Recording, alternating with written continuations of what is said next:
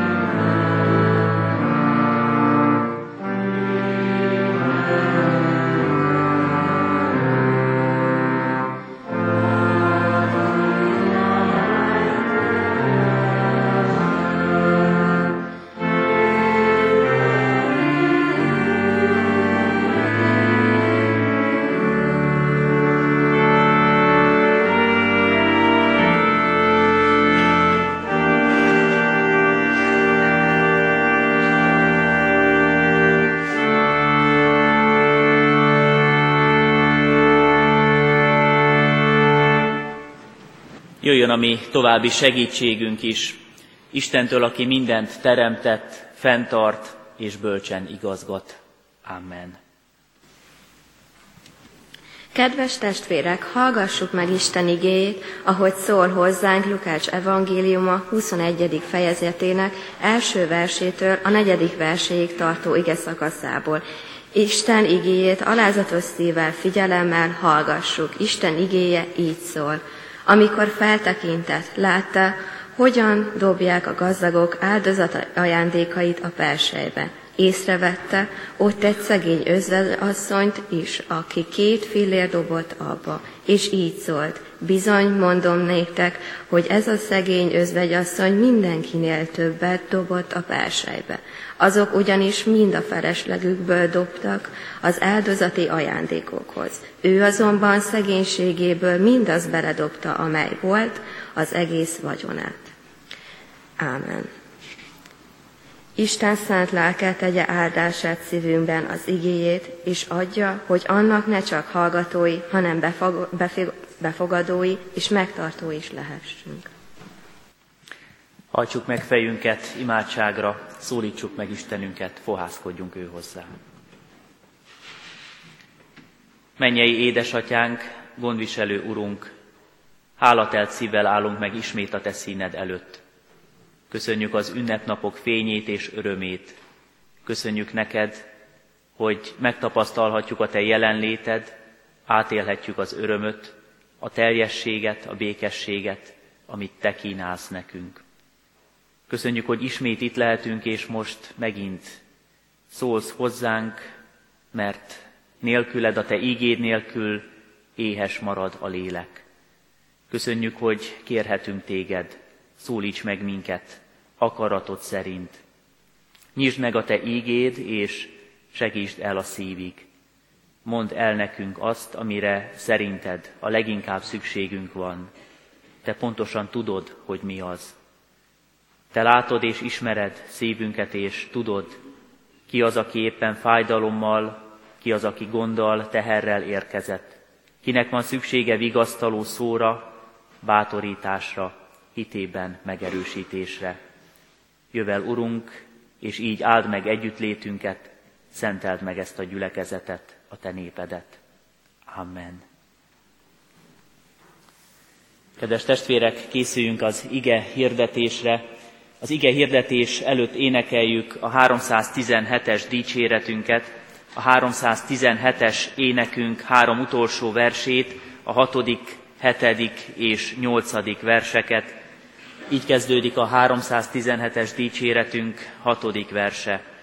Ó, te áldott idvezítő, Úr Jézus Krisztus!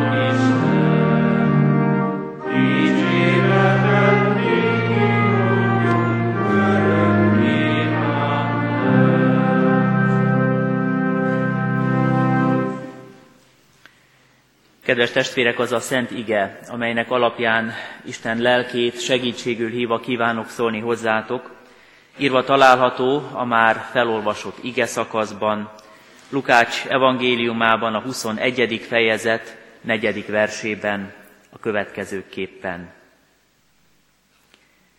Mindazt beledobta, amilyen volt. Amen. Kedves testvérek, a mai napra kijelölt, a Biblia olvasó kalauzunk szerint kiegyzett, kijelölt ige szakasz egy nagyon jól ismert történetet hoz elénk. Az ismert és idézett, gyakran idézett történet főszereplői Jézus, a tanítványok, és egy olyan asszony, akinek a nevét nem örökíti meg a Szent Írás. Az evangéliumokban két helyen is elolvashatjuk ezt a történetet, alig kis különbségekkel. Itt a Lukács evangéliumában és Márk evangéliumában is ugyanúgy megtalálhatjuk ezt a történetet. Márknál egy kicsit talán ki is egészíti azt a kis részletet, amit itt úgy fogalmaz meg az evangélium, hogy Jézus észrevette, feltekintett erre az asszonynál, asszonyra. Márk úgy fogalmaz, leült és figyelte a tömeget Jézus, figyelte azokat, akik jönnek-mennek a templomban, és adományokat dobnak be a perseibe. Jézus figyeli a tömeget, az embereket, és abban észrevesz valakit, egy asszonyt, akinek a tettét kiemeli, kihangosítja, akinek a cselekedetére rávilágított abban az abban a kis történetben. És azt gondolom, hogy ha fontos a Szentírásban valami, azt a Szentírás jól ki tudja hangosítani. Ami lényeges és fontos, azt Jézus szándékosan és tudatosan emeli ki a tanítványoknak és üzeni nekünk is, itt és ma, most is. Erről a történetről beszélgethetünk ma ezen az Isten tiszteleten, és azt gondolom, hogy talán amit elsőre sugal nekünk, annál sokkal mélyebbre is eljuthatunk, nem az adakozásról, nem a persejezési szolgálatról van itt szó elsősorban, hanem Jézusról, aki nagyon figyelmesen ott van a mindennapokban. Ott van az ünnepi alkalmakon, és ott van a hétköznapokon is. Jézus, aki figyelmesen szemléli életünket, mondhatjuk úgy is, hogy jelen van a mi életünkben. Igen, ő ismeri a mi dolgainkat, számon tartja. Jóságos, könyörülő és irgalmas szemével kíséri az ember életét. És arról is szól ez a történet, hogy érdemes és lehet odaszánni Istennek mindent, az életünket. Így új év közeletével gyakran szoktuk mi is keresztények mondani, hogy boldog új évet kívánunk, de néha csak rövidítve bújik, és esetleg másképp is kódoljuk, másképp is taglaljuk, és azt mondjuk, hogy boldog új évet kívánok, de akár úgy is fogalmazhatunk, bízd újra életed Krisztusra. Talán ebben a történetben ez is megerősödik. Érdemes, szabad lehet, kell újra és újra rábízni egész életünket Krisztusra. Így tehát nézzük, hogy ebben a történetben a már előre vetített két dolog hogyan jelenik meg. Egy utazási iroda internetes blogját nézegettem nemrég, és abban valaki leírja a tapasztalatait, egy arab országba utazott el, és abban leírja, hogy milyen kalandok érték.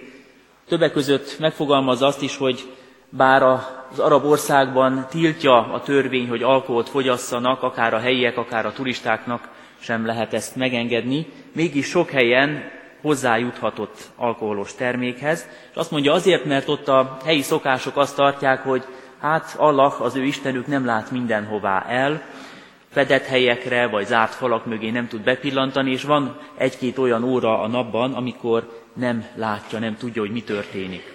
És ezeket használják ki a helyiek, és jó pénzért forgalmazzák az alkoholos termékeket is.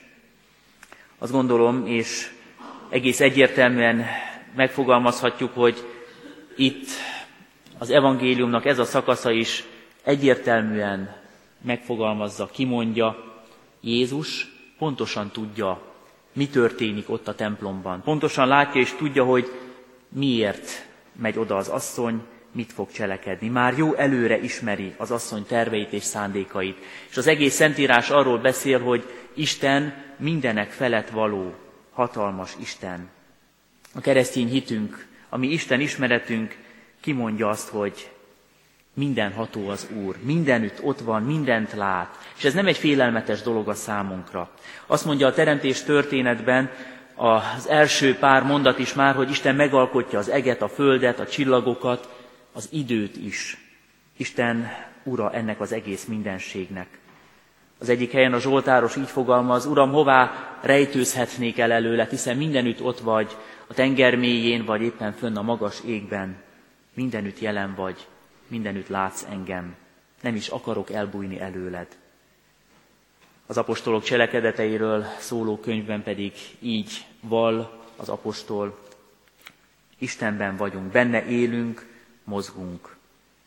Igen, nekünk nem szokatlan ez a gondolat, és nem is félelmetes, hogy Isten ismer minket, tudja, látja a mi dolgainkat. És ez egy biztató ige ebben az értelemben a számunkra, hogy Jézus annak a szegény, özvegy asszonynak is látja az életét, a sorsát. Szem előtt van, az Isten szeme előtt van a mi életünk. Ezért biztos, hogy Jézus tudatosan is ment oda a tanítványaival. Abban a környezetben, aki esetleg a kortörténettel foglalkozott már, tudhatja, hogy a templomnak több csarnoka, több része volt Jeruzsálemben. Többek között volt az asszonyok csarnoka is, ahová elmehetett ez a szegény és özvegy sorsú asszony, és ebben a csarnokban is több helyen volt kitéve persely az adományok céljaira. Legalább 13 helyen álltak ott a perselyek, úgy, ahogy ma is a templom kiáratánál megfelelő helyen elhelyezve.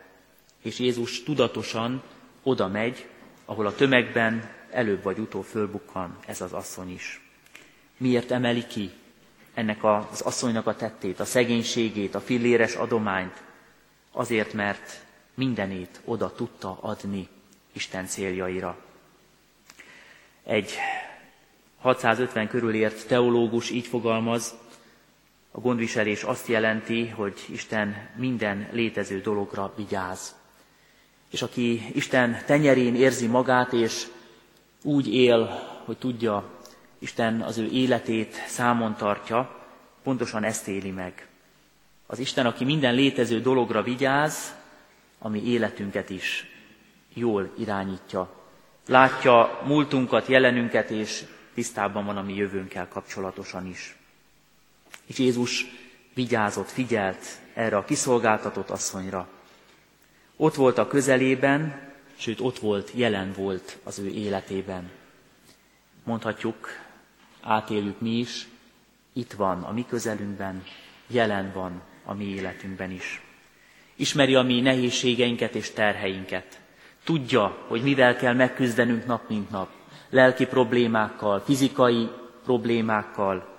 Látja, hogy hogyan ébredünk és hogyan fekszünk le. És nem akar kimaradni a mi életünkből. Ezért látjuk mindenütt a Szentírásban, Isten üzenetében ott, hogy ő az emberhez közel kerül, közel jön, vigasztalásával, bátorításával, ott van, ha éppen tanástalanok vagyunk. Mellénk áll, amikor mindenki elhagy, és ő fogja a mi kezünket. A karácsony is erről szól. Itt most az ünnep közelében újra megfogalmazhatjuk, hogy a karácsony az az ünnep, amikor Isten elénk jön, amikor Isten emberré lesz. Ez az ő szeretete. És itt is jól látjuk ebben a történetben, hogy Jézusnak az ember ismerete jóságos, szeretettel teli, megmentő ismeret. Ahogy a jelenések könyvében olvassuk, amikor a gyülekezetnek címzi, írja a levelet, tudok a te dolgaidról. Tudja és látja, hogy ennek az asszonynak éppen most az adománya az utolsó pénze volt. És látjuk sokszor, sokféleképpen megjelenni Isten szeretetét mi is kézzelfoghatóan a mi mindennapjainkban. Amikor talán föladtuk már lélekben a reményt is, hogy valaki valahogy segítsen rajtunk. és amikor már csak Istennel maradunk kettesben, átélhetjük, hogy ő az igazi, a teljes, az igaz segítség számunkra. Mellette élhetjük át és fogalmazhatjuk meg, hogy csodálatos az az isteni szeretet és türelem, amivel az ember felé fordul. Mert ő látja a mi bűneinket, mégis megszabadít minket. Mert ő látja az ember elesettségét, mégis eljön karácsonykor, testé lesz, felvállalja a mi embersorsunkat. Tudja a mi gyengeségünket, és mégsem hagy el minket. Itt van, jelen van életünkben, világunkban, és felvállalja a mi embersorsunkat. A nevét nem örökíti meg a Szentírás, sem Lukács, sem Márk evangéliumában, így is szoktuk ezért emlegetni, hogy az özvegy asszony két fillért dob be a persejbe. Abban az időben ez volt a legkisebb címlet, egy kis fémpénz, lepton, körülbelül talán 50 forintnak megfelelő összeget jelenthet. A napi bér egy század része. És Jézus kimondja és nevesíti, hogy ez az, amit bedob az asszony. Talán onnan lehetett tudni, hogy milyen értékű pénz került a persejbe, abban az időben egyes történészek, kutatók szerint a persejnél álló szolgálók, léviták, papok hangosan is kikiáltották, vagy megnevezték az összeget, amit egy-egy adományozó bedobott. Én is jártam olyan gyülekezetben, szolgáltam is olyan helyen, ahol nagyon gyakran név szerint kellett felolvasni az adományokat, az adományozók nevét és azt, hogy milyen összeget adtak be, de ez az ő kérésük volt. Abban az időben elég látható formában történt az adakozás Jeruzsálemben, és innen lehetett tudni, mit dob be az asszony a persejbe. Miért tette? Hogy úgymond felszámolta az utolsó maradék pénzét is, és bedobta oda Isten céljaira. Ki volt ő?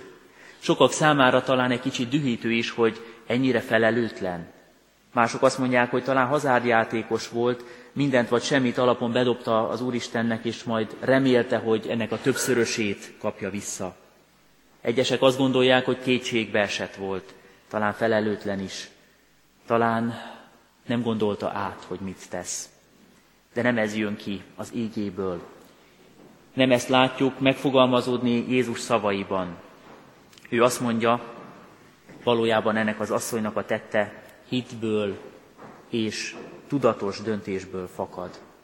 Lehet, hogy nem logikus, de tudatos, hitbeli döntés. Ott van talán emögött az az ige, amit olvashatunk a Máté evangéliumában, amikor Jézus bíztatja az őt hallgatókat, hogy ne aggodalmaskodjatok a holnap felől, hanem nézzétek meg az égi madarakat, a mezei virágokat, Isten gondoskodik róluk, rólatok sokkal inkább gondoskodni fog.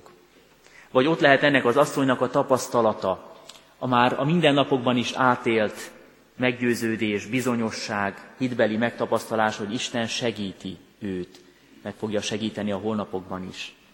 Ott van az Ószövetségben olvasott sok-sok történet, az ő tudása is, hogy amikor vándorolt Isten népe a pusztában, minden nap elegendő mannát rendelt ki Isten a számukra.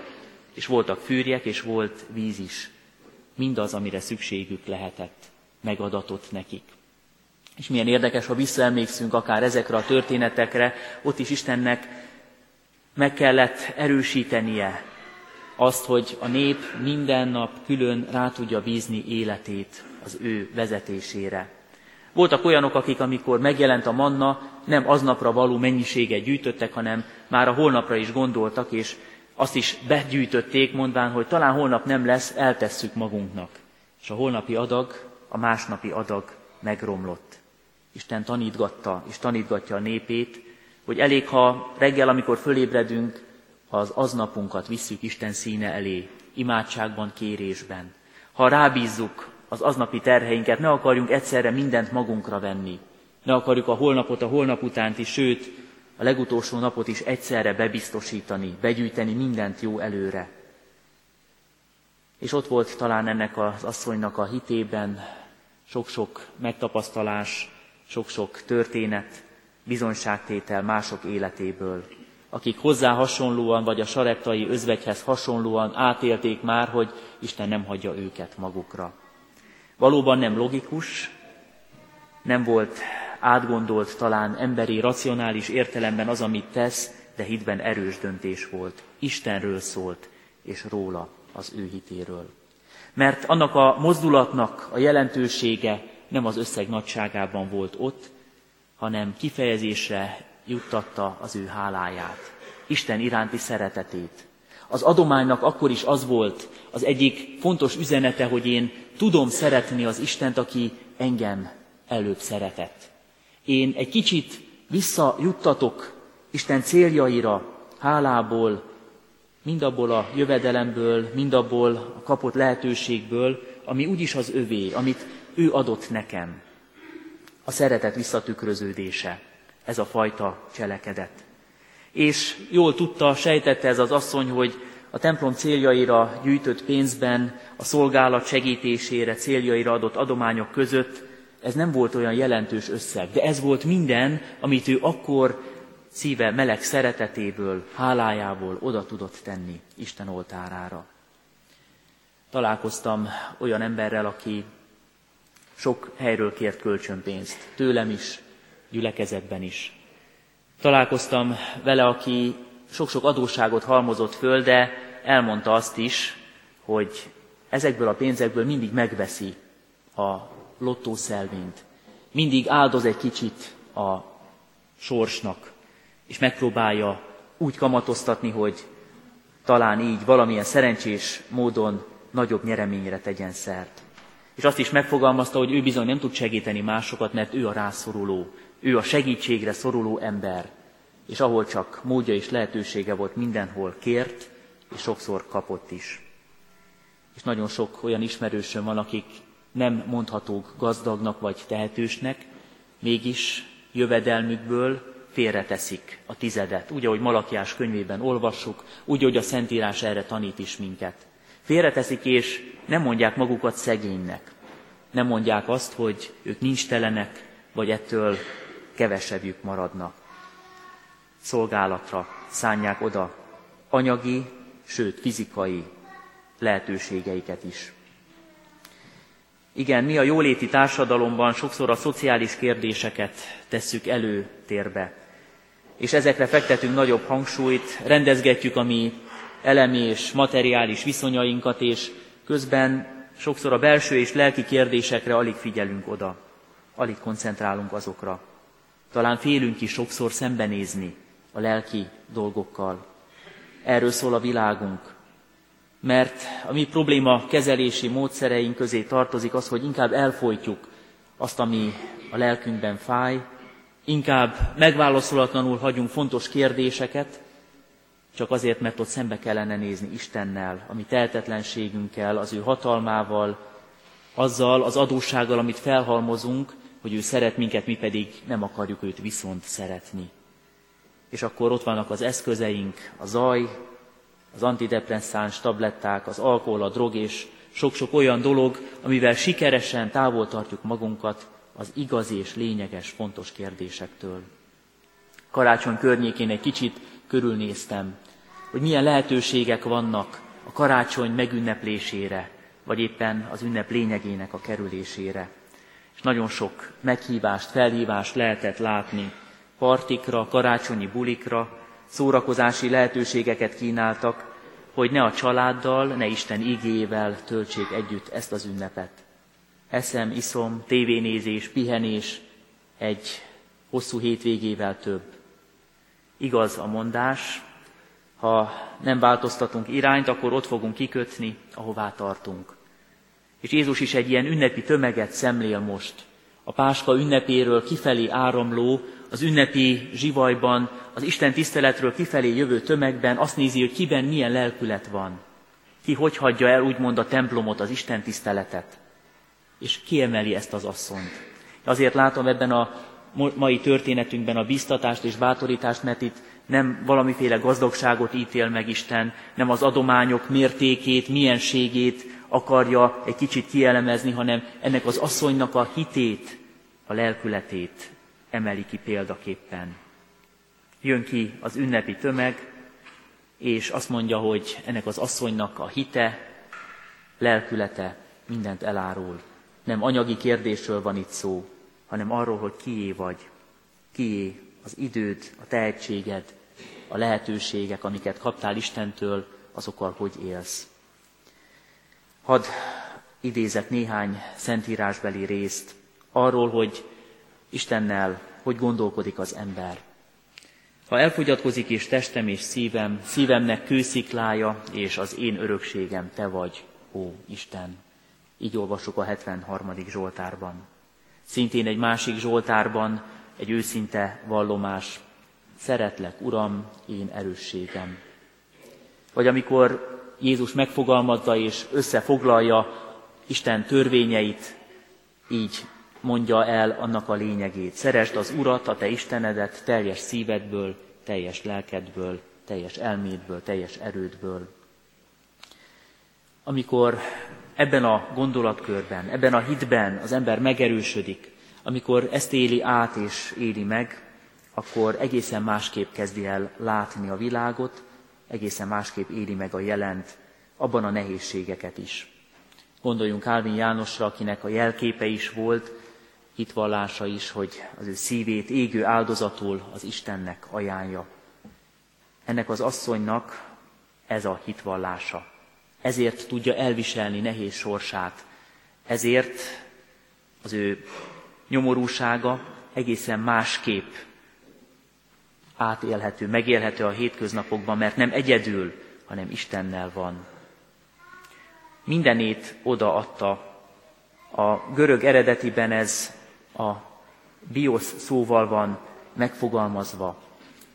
Mindenét, az egész életét, bioszát átadja Isten céljaira.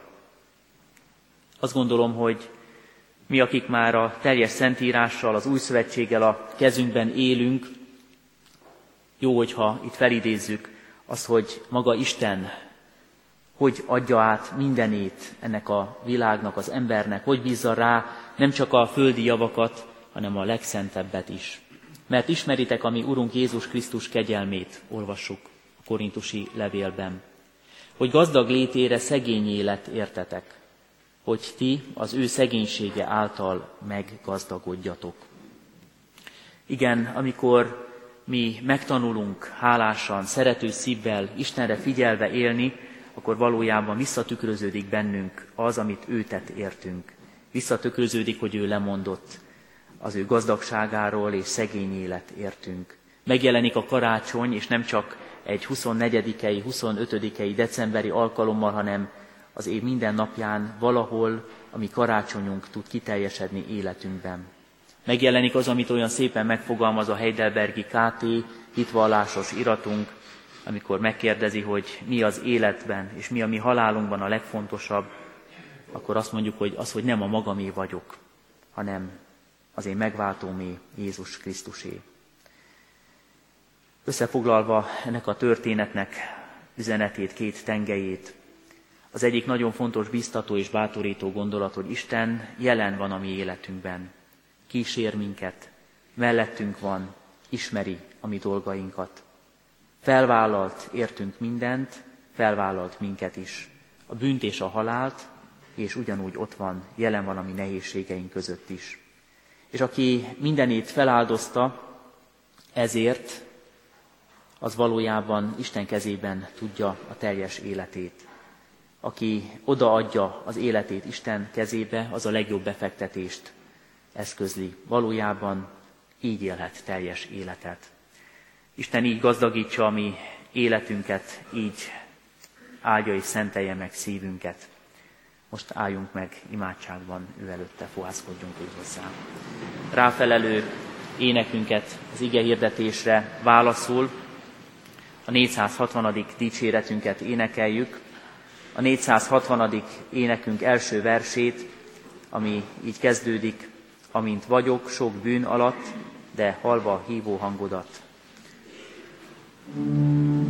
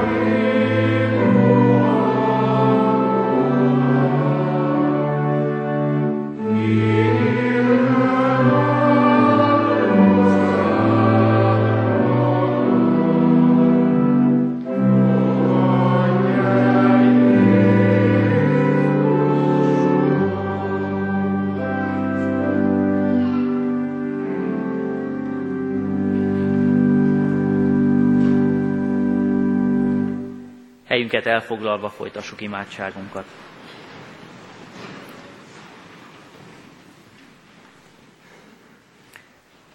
Magasztalunk téged, Istenünk, minden ajándékodért, mindazért, amit tőled kaptunk.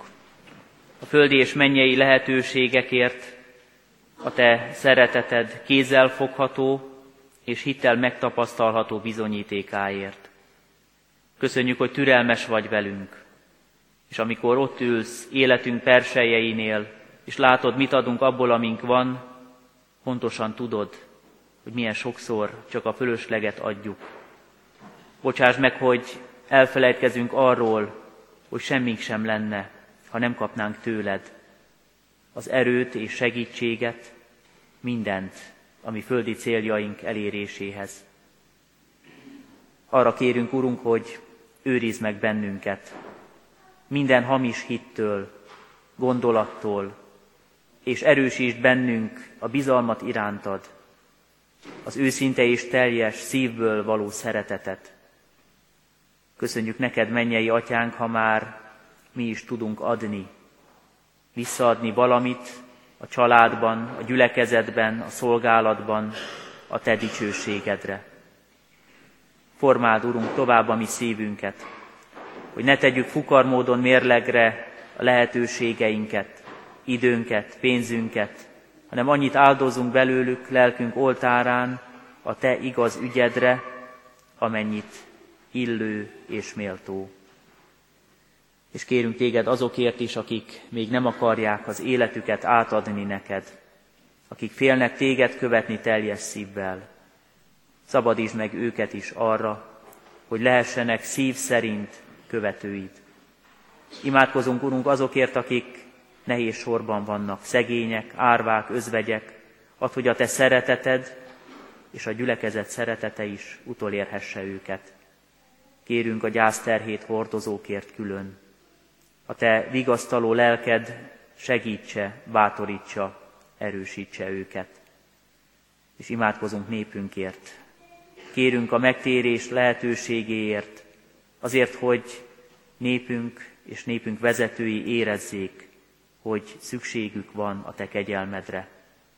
Segíts minket, hogy jó törvényeket hozzunk, a Te törvényed szerint való, neked tetsző döntéseket. Kérünk, hogy irgalmad és szereteted szerint Jézus Krisztusért hallgass meg minket. Amen. Most egy csendes percben kiki szíve imádságát csendben vigye Isten színe elé. Amen. Mondjuk el együtt közösen, fennállva az Úrtól tanult imádságot. Mi, Atyánk, aki a mennyekben vagy, szenteltessék meg a Te neved, jöjjön el a Te országod, legyen meg a Te akaratod, amint a mennyben, úgy a földön is. Minden napi kenyerünket add meg nékünk ma, és bocsásd meg védkeinket, miképpen mi is megbocsátunk az ellenünk védkezőknek, és ne védj minket kísértésbe, de szabadíts meg a gonosztól, mert Téd az ország, a hatalom és a dicsőség mind örökké. Amen. Hirdetem a testvéreknek az adakozás lehetőségét. Hálával áldozzál az Istennek, és teljesítsd a felségesnek fogadásaidat. Amen. Fogadjuk Urunk áldását. Istennek népe áldjon meg téged, az Úr, és őrizzen meg téged. Világosítsa meg az Úr az ő orcáját rajtad, és könyörüljön rajtad. Fordítsa az Úr az ő orcáját, tereád, és adjon békességet néked. Amen. Záró dicséretünket énekeljük a már megkezdett 460-as énekünket, annak a második versétől folytatólag a hatodik versig énekeljük minden versét. Így kezdődik a 460-as dicséretünk, második verse, amint vagyok, nem várva, hogy lelkemnek terhe, szenje fogy.